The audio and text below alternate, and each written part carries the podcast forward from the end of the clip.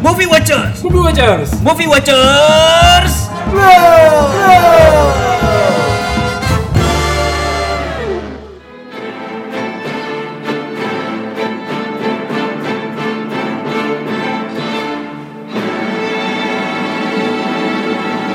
Oh, Parasite. yang Klasiknya ya.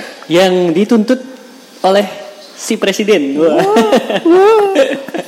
Tapi dengan membawa penghargaan yang lumayan ya. Ya. Itu bukan lumayan lagi, mah lumayan banyak nih. Empat, Ada memborong empat piala. Mm-mm. Dan sampai-sampai para pemain film Parasite dan yang berkontribusi seluruh kru ya. kru, kru ya Hmm. dibawa ke Blue House, gedung putihnya Korea Selatan. Iya, Diundang iya. dari presidennya. Iya, untuk penghormatan ya. Iya. Dan sampai-sampai katanya Bong Jono eh, katanya sih bakalan dibikinin patungnya. Katanya. Oke, untuk eh, sobat nonton, udah lama kita nggak update nih. ya. Asli. Nah, dengan iya, ya itu dia. kesibukan duniawi. Sesuai dengan janji kita di eh, episode sebelumnya, kali ini adalah rekomendasi film thriller favorit. Iya. Khususnya dari kita berdua dulu ya. Bisa, Ada ya? bisa, bisa. Kita Top nyebutin iya top 3. Kita eh, bakal kasih tiga dulu. Terus nanti bakalan ada honorable mention. Nah, mungkin buat menemani waktu liburnya Iya. ataupun waktu senggangnya dikala mengerjakan skripsi. Wah, seperti saya. Oke. bingung mencari bahan. Nah itu dia. Jadi eh, sebelumnya kita mau tahu dulu perbedaan antara film horor, trailer dan juga misteri ya. Iya. Supaya nggak eh, salah kaprah nih. Nah untuk horor sendiri ini dikutip dari eh, salah satu postingan di akun Studio media sosialnya Studio Antelope nih. Yang mana horor di- eh, dikatakan film yang menimbulkan rasa takut bagi penonton dan biasanya tokoh diceritakan di teror hantu, vampir ataupun monster. Nah, contoh filmnya ada Insidious di tahun 2020, The Conjuring di tahun 2013 dan Pengabdi Setan di tahun 2017. Iya. Nah, lanjut ke misteri. Wah, kalau misteri ini film yang diceritakan punya teka-teki nih ataupun rahasia kasus tertentu dan juga tokoh protagonisnya berusaha memecahkan teka-teki tersebut. Nah, contohnya ya pastilah Sherlock Holmes ya. Ataupun ada juga searching. Searching, Hmm. Dan- Inception. Dan, juga eh, ada Inception. Kala. Iya, kala kala. Hmm, kala di tahun 2007.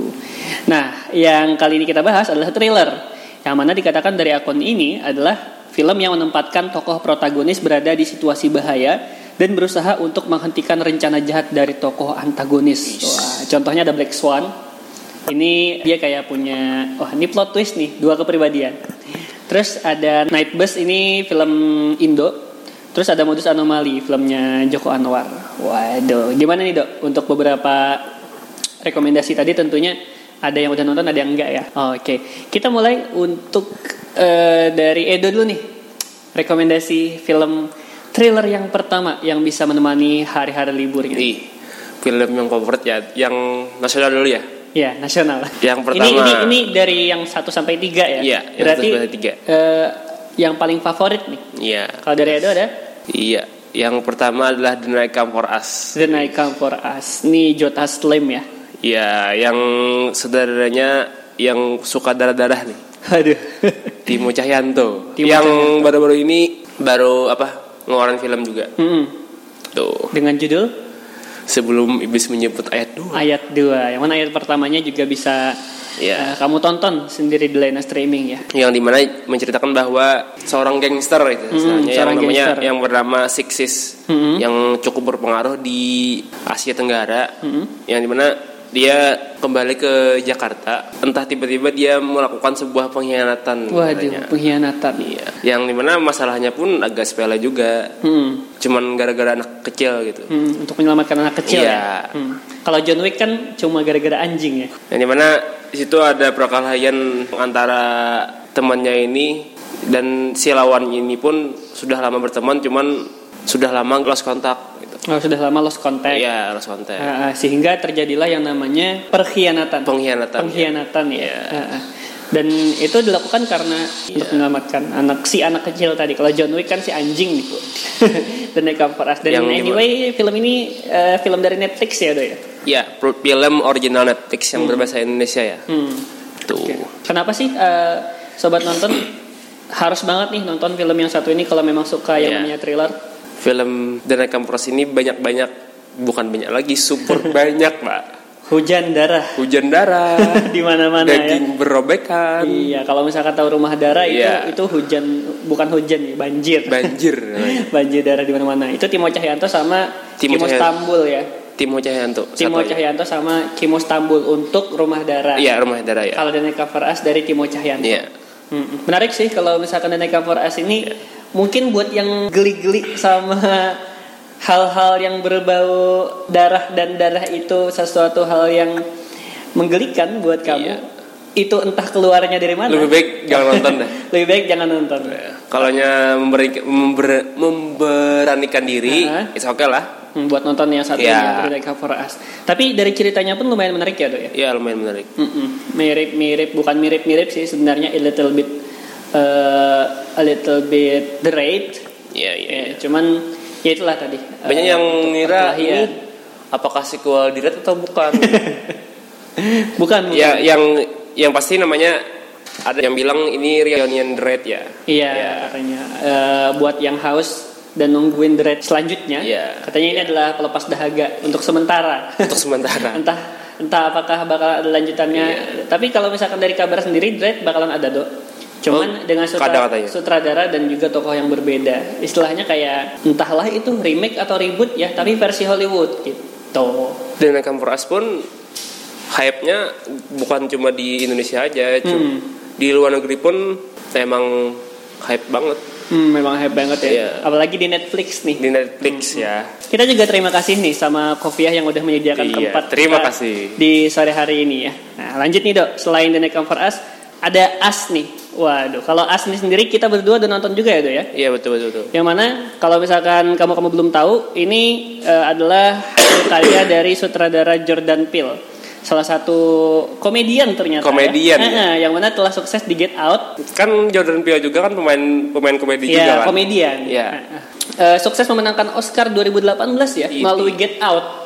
Bukan Asnya, tapi Get Out sendiri nih di kategori naskah skenario orisinal terbaik. Nah, film As sendiri udah tayang di bioskop tanah air mulai 20 Maret 2019, lumayan lama sih. Jadi salah satu penghias tahun 2019 ya iya iya untuk kategori dari film horor dan juga thriller. Nah, untuk As ini sendiri menceritakan tentang teror yang dihadapi keluarga Adelaide Wilson saat menghabiskan liburan musim panas di pantai Amerika Serikat. Yang- Nah, teror ini semakin mencekam ketika mereka kedatangan satu keluarga yang punya wajah dan penampakan yang mirip sama Adelaide dan anak-anaknya.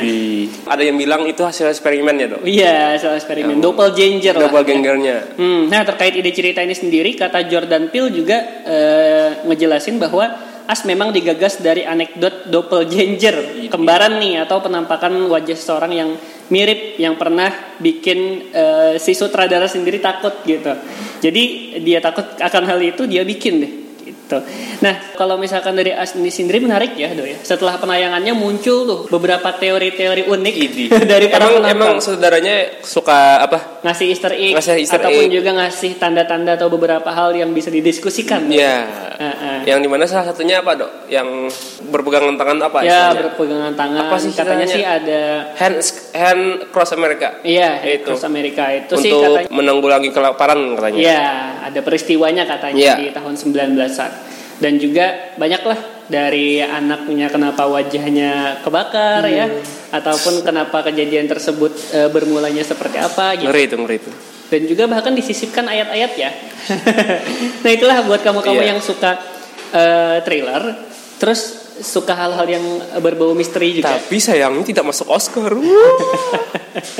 iya, entah Iya, kenapa betul ya. Get Out, Get Out eh, pernah punya kesempatan, Iya. tapi sayang banget untuk Us ini. Padahal kalau eh, kamu penonton Get Out, kamu pasti nonton yang namanya Us ini ya. iya betul Hmm, ini- harus nonton sih Mm-mm, salah satu hiburan di hari libur kamu kalau misalkan suka sama yang namanya film thriller. Ada The Night Come For Us, ada Us, selanjutnya ada Lighthouse i Oh, The Lighthouse yang Ini- sedang syuting nih Robert Pattinson nih Iya, si Batman. Batman, Batman. Iya. yang tanduknya lancip itu ya. Oke. yang di mana film ini tentang dua orang Mm-mm. yang menjaga mercusuar katanya. Ya, dengan berbagai macam eh, polemik dan juga masalah-masalah di dalamnya. ya. Iya. Bayangin dua orang terisolasi dari dunia luar terisolasi karena badai yang lumayan dahsyat ya. lumayan dahsyat dan dia waduh gilanya petir dan lain-lain itu bukan kayak terisolasi secara Iya. sengaja Iya, iya. tapi terisolasi secara paksa juga ya bisa Iya. dibilang dan Di faktor alam ya? iya faktor alam dan karena pengaruh tersebut muncullah berbagai macam eh, karakter-karakter kepribadian dari dia yang pertamanya kayak gini ternyata akhirnya kayak gini ya. Itu Sa- sih. saya mau steak. Saya mau steak sampai wah gila sih. Iya, kita kayak ngikutin perjalanan kepribadian orang Iya. tuh. Dari dia yang pertamanya ini ternyata berubah jadi sesuatu yang memang bisa dibilang nggak diduga-duga gitu tuh ya. ya untuk pendalaman karakternya wah gila-gilaan banget sih sebenarnya. Iya, itu dia. ya Oke, yang mana ini dari eh, A24. A24 yang Wah. terkenal waduh Salah satu production house yang dibilang indie. tapi gak ini gak ini, ini Nggak juga indie sebenarnya Uh-uh. Karena Anda harus nonton ya karena kemarin eh, Uncut James juga angkat game ya juga dapat penghargaan ya. dapat penghargaan cuma tidak masuk Oscar ya, itu dia. Kenapa harus nonton mm, kenapa?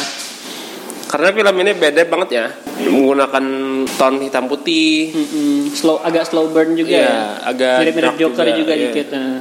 Dan depresif lebih itu. depresif ya Iya, itu sih yang mungkin kebanyakan disuka sama beberapa sobat nonton ya. Yang depresif-depresif nih, setelah nonton Joker sukanya eh, lini-lini kayak gitu ya. Iya. Cuman bagi yang nonton Joker harus nonton uh, Lighthouse juga sih sebenarnya Iya, Lighthouse. untuk pembanding lah. Mirip-mirip sedikit lah. Iya.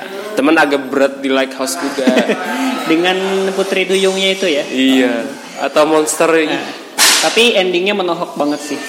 Tonton aja lah. Iya. Nonton aja lah. Ya, lanjut eh, selain The Lighthouse kita punya Midsommar. Ini. Nah, ini Ari Aster balik lagi nih ngasih warna baru dalam dunia film horor ya melalui karya terbarunya Midsommar. eh, yang mana sebelumnya dia juga eh, udah sukses dalam film Hereditary. Wow. Wah, kalau dari Hereditary ini terkenal menawarkan film horor gelap dengan latar belakang permasalahan keluarga yang dikasih bumbu sekte-sekte. Nah, dalam Midsommar, Ari Aster menawarkan horor jenis baru. Sesuai dengan judulnya, ternyata untuk Midsommar ini sendiri, sobat, film ini mengambil latar musim panas, summer ya. Iya. Yang mana di Swedia. Agak cerah juga ya. Hmm. Padahal genrenya horor sih. genrenya horor yang mana banyak eh, banyak common sense bilang untuk film horor ini pasti identik sama yang gelap-gelap Iya. ataupun juga hal-hal yang gak kelihatan ya. Nah, ini di Midsommar eh, yang mana digambarkan latar musim panas di Swedia. Yang mana kisah ini bermula ketika Denny Arder yang diperankan oleh Florence Pugh ini mengalami trauma yang mempengaruhi kisah cintanya dengan Christian Hedges yang diperankan oleh Jack Reiner. Dan pada suatu hari Christian diundang tuh oleh salah seorang temannya Pele untuk menikmati perayaan musim panas di Hälsingland, Swedia. Iya. Nah, tawaran itu menarik banget nih karena Dan cuma dilakukan sekali. juga ya Iya. untuk hubungan mereka juga. Tapi menariknya, peringatan ini cuma dilakukan sekali dalam 90 tahun Wih. dan berlangsung 9 hari. Sayang banget tuh ya. Iya. Gak apa? Kalau misalnya dilewatkan, ya. eh, eh, sayang banget. Makanya siapa sih yang gak mau nonton? Apalagi kayaknya seumur hidup deh kalau 90 tahun sekali ya. Aduh. Untung-untungan gitu. Nah, melalui sedikit perdebatan akhirnya Christian berhasil ngajak Denny ke Swedia. Mereka berangkat berombongan bareng teman-teman Christian dan kehadiran rombongan itu disambut rumput hijau, kehangatan matahari, orang-orang menari dan menyanyi layaknya sedang menikmati musim panas. Ih. Tetapi mereka tidak tahu akan ada apa di sana, apa yang akan terjadi gitu ya. Dan juga itu ya. Film ini Hmm. ada dua versi ya. Ya, Ada director cut namanya.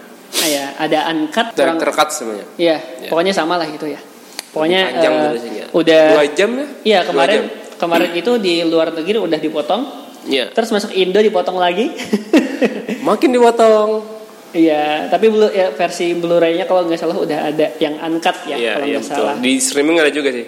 Iya, di streaming Apple TV.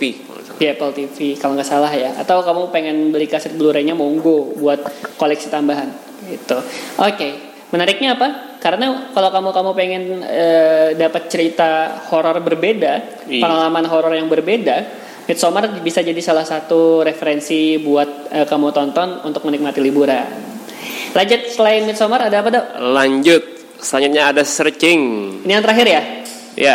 Oke, yang terakhir dari Edo ada searching. Bercerita tentang seorang anak remaja yang namanya Michelle yang sedang menik- menikmati masa mudanya, Hmm. yang di mana dia tiba-tiba nih, Hmm. lalu ayah mereka si John ini Hmm. panik, Hmm. gimana anak saya misalnya, Iyalah, Tuh. seorang ayah gitu ya. seorang seorang ayah ya, Nah, sebagai seorang ayah. dia pun mencari-cari ke mana-mana, gitu. Searching ya, sesuai Searching. namanya. Namanya searching ya. Searching ke mana-mana gitu. Dalam dan ayahnya bingung dalam waktu 37 37 jam Hmm. mana anak saya mana anak saya Aduh. ayahnya pun sudah melaporkan ke pihak keamanan tapi agak responnya lambat Low gitu. respon ya, gitu ya. dan Mm-mm. ayahnya pun memutuskan untuk mencari sendiri Ya. sampai-sampai anak apa teman-teman anaknya ini ditanyain Hmm. Di mana ya? Tahu nggak sih eh, keberadaannya atau jangan-jangan sembunyi di mana gitu Ya. ya? Tuh Itu. Kenapa harus nonton film searching ini, Dok? Sa- karena seakan anda melihat screenshot Iya. Karena tampilannya dalam satu film Ya, itu screenshot semua iya, screenshot semua dalam bentuk video Iya. gitu ya. Unik sih. Jadi kita kayak ikutan bukan ikutan sih. Jadi kita kayak jadi bapaknya. Ya, ya istilahnya di film namanya Cinema Verti. Iya, itu Iya. dia sahabat. Nanti langsung searching aja apa Searching itu. aja. Cinema Verti ya. Cinema Verti. Oke, ini pengalaman yang baru juga ya. da- Dari behind the pun dia pakai GoPro dok. Iya, benar. Iya. Dari Pai GoPro ya. Ya. Dan juga berbagai peristiwa, pokoknya jelas lah di Jelas dalam eh, screenshot itu ya, Eh, screen recorder lah. Screen begitu. recorder, ya. Iya, screen recorder, screenshot. Dari Windows XP yang lama sampai ke Apple. oh iya, itu dia. Dia dia ngikut di zaman juga Ah. sistemnya itu. Dan eh, searching ini pernah dapat penghargaan kalau nggak Iya, salah iya, ada ya. betul betul. Oh, oke itu dia. Jadi jangan sampai dilewatkan untuk Iya. menikmati liburan kamu. Lanjut yang terakhir dari aku nih. Ada Eh dok, ada sebelum iblis menjemput Idi. Sim ayat 1. Sudah sama ya dari Iya. mereka Moras tadi ya. Iya, ini ini kayak jadi bridging gitu ya, ya sebelum tanggal 27 Februari Idi. nanti. Semoga eh, ini rilisnya sebelum tanggal 27 ya. Jadi jadi kita eh, bisa teaser-teaser dikit lah buat sebelum iblis menjemput ini nih. Jadi eh, kalau misalkan kamu-kamu belum ngeh sama sebelum iblis menjemput ataupun juga eh, bakalan nonton yang ayat keduanya. Kita mau kasih tahu sinopsisnya dulu nih untuk sebelum iblis menjemput yang pertama ya. Yang mana mungkin kan berdekatan ya pada rilisnya Tanggal kayak berapa dok? 27 ya? Iya yang 27. yang ini tanggal 27. Yang lalu itu bertepatan setelah film kafir bersekutu dengan setan. Nah, Idi. Ini- Pesugihan katanya. Nah, 2019 rame ya film horor Indo gitu dan juga thriller. Nah, film sebelum iblis menjemput karya sutradara Timo Cahyanto ini menyandingkan kemampuan akting dua aktris kenamaan. Siapa yang sangka bahwasanya Chelsea Islan dan Pevita Pierce. Mainnya film horor. Sudah horor thriller darah-darah lagi ya. Iya betul itu dia. Nah, sebelum iblis menjemput ini menceritakan kisah Alfie yang diperankan oleh Chelsea Islan, yang mana di sini doi tomboy banget ya. Yang mana seorang perempuan muda yang dihantui masa lalunya yang kelam. Ibunya telah wafat dengan misterius, sementara ayahnya bernama Lesmana. Wah, Raisa Hetapi. Iya. Yang yang video yang nggak masuk Iya. di Avenger. Iya. iya. Civil tapi- War. Tapi applause buat Reza Hetapi Iya, itu juga applause membanggakan ya. banget nih buat Indonesia. Yang mana ayahnya meninggalkannya untuk menikah kembali dengan Laksmi yang diperankan oleh Karina Suwandi. Nah, setelah Lesmana meninggal dunia dengan cara yang tidak wajar, Alfi kemudian memutuskan untuk mendatangi villa yang kerap didatangi ayahnya untuk mengetahui yang sebenarnya terjadi. Dia berusaha mencari tahu nih apa yang kejadian kepada ayah dan ibunya yang Iya. dulu meninggal secara janggal. Nah, Alfi ketemu sama Laksmi dan anaknya Maya yang diperankan oleh Pevita Pierce ya. Dan Maya menyalahkan Alfi atas kemalangan yang menimpa dia dan ibunya nih. Waduh, waduh, waduh. Dan rupanya saudara tiri Alfi ini mempunyai agendanya sendiri. Wah. Nah, kira-kira agenda apakah itu? Wah, itu semua pokoknya secara misterius, gamblang dan juga eh, belak-belakan. secara darah-darahnya ya, buat kamu-kamu para pecinta gore juga ataupun hal-hal yang bikin merinding, Waduh. bisa nonton yang namanya Sebelum Iblis Ya Menjemput. sebelum mana ya? Ya, apalagi Iblis buat kamu yang pengen nonton eh, sebelum iblis menjemput ayat 2 disarankan banget ya pastilah. Iya. Eh, bahkan di beberapa kota ada penayangan maraton ya. Iya maraton. Untuk Waduh, dua film itu sekaligus. puas banget sih. Seandainya di Banjarmasin ada. Ada saya nonton mak. Oke, itu dia. Eh, selesai sudah untuk rekomendasi kita dari tiga tiga ya. Iya. Untuk Edo tiga, untuk aku tiga. Sekarang kita masuk ke honorable mention. Satu nih yang ya bisa dibilang nomor empat atau bahkan bisa jadi paling utama nih. Dari Edo dulu, ada apa dok? Eh, kalau saya Pak, Mm-mm. kita kalau honorable mention sih lebih balik ke tahun 1900-an ya. Hmm. Lebih tepatnya tahun 1971. Ada A Clockwork Orange. Waduh. Buat kamu-kamu para kubik Kubrickian, Kubrickian gak sih? Iya. Kubrickian. Para eh, pecinta film-filmnya Stanley Kubrick pasti nggak asing lagi sama Iya. yang namanya A Clockwork Orange. Iya. Yang di mana seorang kriminal kelas teri ya, Hmm. yang dia bersama teman-temannya mencuri mobil, melakukan pemerkosaan, dan ia masih tinggal, dia masih sekolah katanya. Hmm. Suatu hari ia merampok rumah seorang penulis katanya, yang dan memperkosa istrinya, istrinya si penulis itu. Hmm. Waduh, saking aneh ya. Saking brutalnya lah. Iya. Hmm. Dan tiba-tiba dia dia ketangkep Hmm. uh, dari pihak keamanannya, Hmm. pihak yang berwajib lah istilahnya. Dan tiba-tiba ada menawarkan sebuah apa seorang peneliti lah katanya. Hmm, peneliti. Tapi Iya. sebelumnya cerita mereka ini kan adalah sebuah geng ya. Ya geng. Lebih tepatnya Sekelompok kayak remaja lah. sekelompok remaja yang brutal. Brutal banget pak. Eh, hmm. Dan Bisa dibilang eh, Ya. gak bermoral lah. Gak bermoral anak, banget. Anak satu kelompok ini gak ada moralnya sama Ah, sekali. gila, gila. Ya dan mereka melakukan kerusakan di mana-mana. Gitu. Iya. Kayak melakukan pemberontakan ataupun juga bikin rusuh aja gitu. Iya, iya, iya. Pertama kalau nggak salah sama geng lain juga ya. ya geng lain juga. Ah, ah, yang ganggu cewek kalau nggak salah. Pokoknya pokoknya film gila lah ini. Buat kamu-kamu yang sering lihat eh, beberapa Iya, scene iya.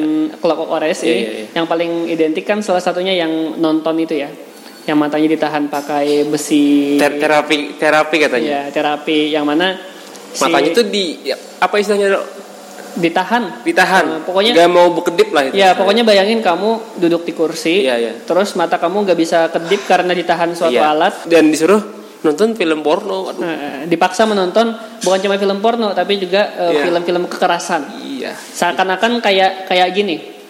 Eh, kamu perokok. Cara bikin kamu berhenti buat ngerokok Iya, iya. adalah nyuruh kamu ngerokok dengan Sebanyak-banyak- sebanyak-banyak mungkin Iya. dalam satu kali hisap. Sama Misalnya gitu, kayak itu tuh tadi. Jadi kamu disuruh nonton tanpa berkedip, Au. ya. Dikasih obat penetes mata kalau nggak salah sekira matanya nggak sakit ya. Iya. Jadi setiap beberapa kali matanya agak sakit itu dikasih obat tetes. Pokoknya dipaksa nonton lah. Dan- sampai kenyang banget tuh sama film Sampai ini. kenyang tuh. banget tuh, puas Sam- banget. Iya, sampai kalau misalkan kamu lihat eh, ataupun pengen melakukan kekerasan atau film melakukan seks bebas, itu kamu kayak geli sendiri kayak pengen muntah gitu. Ya saking apa saking seringnya. Iya. Itu pengalaman dari Bahkan dari pemeran tersebut katanya ir- iritasi katanya adalah Iya, matanya sempat iritasi ya Iya. karena alat tersebut. di penayangannya pun banyak menerima ancaman berbagai telepon katanya. Iya, itu. Dan untuk keselamatan mereka terpaksa ditarik. Aduh. Iya, itu dia. Buat Saking kamu yang brutalnya. Iya, buat kamu yang belum tahu Stanley Kubrick yang bikin The Shining. Iya. Terus juga The Space Clock- Odyssey. Space Odyssey yang eh, jadi referensinya Interstellar ya, Iya, ya. iya betul betul. Ah. Dan apa? Salah satu saudara yang penasaran ya, ya, Hmm, benar-benar. yang belum nonton film terakhirnya. Yap. Nah, kalau misalkan kamu tahu Doctor Sleep, Iya. ya. Nonton ini Shining, adalah iya salah satu sequel dari eh, The Shining.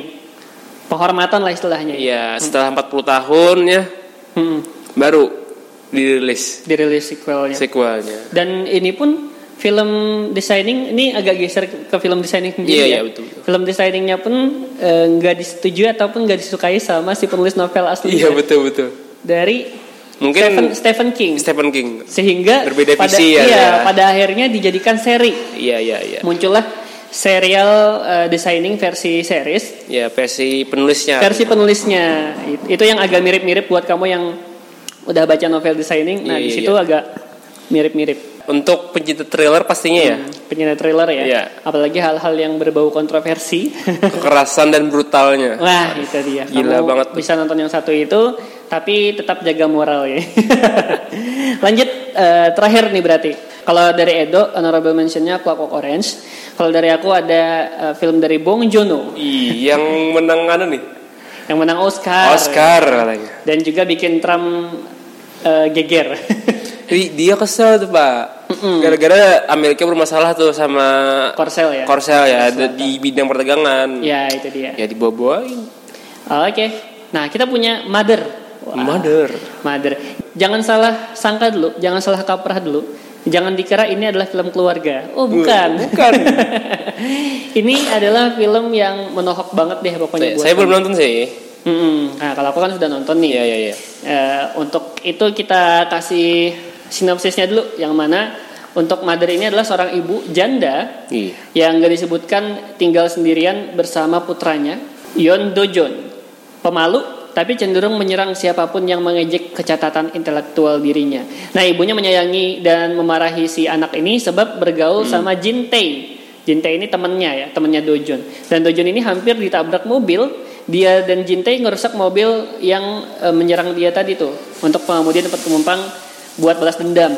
Nah, Jin Tae menyalahkan Dojon terhadap kerusakan yang terjadi sehingga Dojon dituntut dan hutang ini mengakibatkan ibunya berjuang keras ya. Jadi eh, kalau secara singkatnya untuk eh, film ini menceritakan sebuah perjuangan seorang ibu untuk membuktikan bahwasanya anaknya ini tidak bersalah. Karena di, di film itu masalahnya ada sebuah kematian eh, seorang perempuan Iya. yang dikaitkan sama si anak ini. Seru tuh. Iya. Ya kapan-kapan nonton lah. Iya, jadi jadi si ibu ini memperjuangkan dan bener-bener bilang ataupun bener-bener pengen ngebukti ini bahwasanya anaknya ini nggak salah. Hmm. Tapi e, karena anaknya punya cacat intelektual, dok, agak lupa gitu ya, agak agak agak lupa, terus juga agak lemot bisa dibilang kayak gitu. Jadi dia lupa apakah dia melakukan itu atau enggak. Eh, penyakit mental ya deh. Bisa dibilang kecacatan intelektual gitu. Oh mental bisa ya. Hmm. Mungkin. Mungkin ya. intelektual. Oh. Kalau mental kayaknya masih masih aman ya. Nah gitu. Tapi ibunya eh, yakin nih bahwasanya si anak ini nggak salah Hmm. dengan perilakunya kayak gitu ya. Gimana pengen ngebunuh orang istilahnya kayak gitu. Tapi ternyata bukti-bukti menyeret bahwasanya si anak inilah pelakunya. Nah, bagaimanakah perjuangan seorang ibu? Apakah si ibu eh, benar-benar memperjuangkan Iya, orang iya, yang iya. benar atau memperjuangkan orang yang salah? Wah, Ih. itu dia buat kamu yang ah pokoknya Bong Jono ini eh, mengudak-udak emosi kamu deh di film thrillernya. Gitu buat yang eh, jadi tanda tanya besar Iya. setelah kita kasih sinopsisnya tadi ya. Pastinya Do pengen nonton nih. Pasti nonton lah. Ah, Oke, itu dia. Nonton Kenapa film nonton? Bong Joon Ho sudah ada film apa aja? Film Parasite pasti, Versi pastinya ya. terus Host The Host The Host. sama Memories of Murder. Oh, yang pertama kali Memories of Murder tuh. Yang 2002 ya. Oh, iya kalau nggak salah. Memor Murder ada 2012 ada katanya. Iya, ada tiga doh. Tiga. kalau nggak salah. Versi Jepang pun ada juga. Iya, cara yang versi Bon Joon Ho ya. Iya. Terus uh, Memories of Murder, terus Parasite, The Host sama Mother. Wah, Ya, kalau gue sih Snowpiercer Hmm. itu pertama kali ya. Hmm. Umar of Murder ya tentunya Parasite sih. Hmm. Oke, itu dia untuk beberapa referensi film thriller Iya. dari kita ya. Semoga kamu dapat yang cocok nih sesuai Iya. dengan keinginannya. Karena eh, orang suka thriller beda-beda ada ya. Ada yang suka horornya, Iya, iya, ada iya, yang iya. suka misterinya dan lain-lain. Kekerasannya juga ya. Kekerasannya juga. Itu dia. Sampai ketemu lagi di episode yang lain untuk rekomendasi ataupun juga kita nanti bakal bikin wishlist ya Iya. untuk bulanan. Nanti kalau misalkan sempat kita bikin wishlist bulan Maret supaya kita bisa nobar bareng mungkin atau ajak teman-temannya ke bioskop bareng buat nonton film-film favorit kamu. Favorit. Bye bye.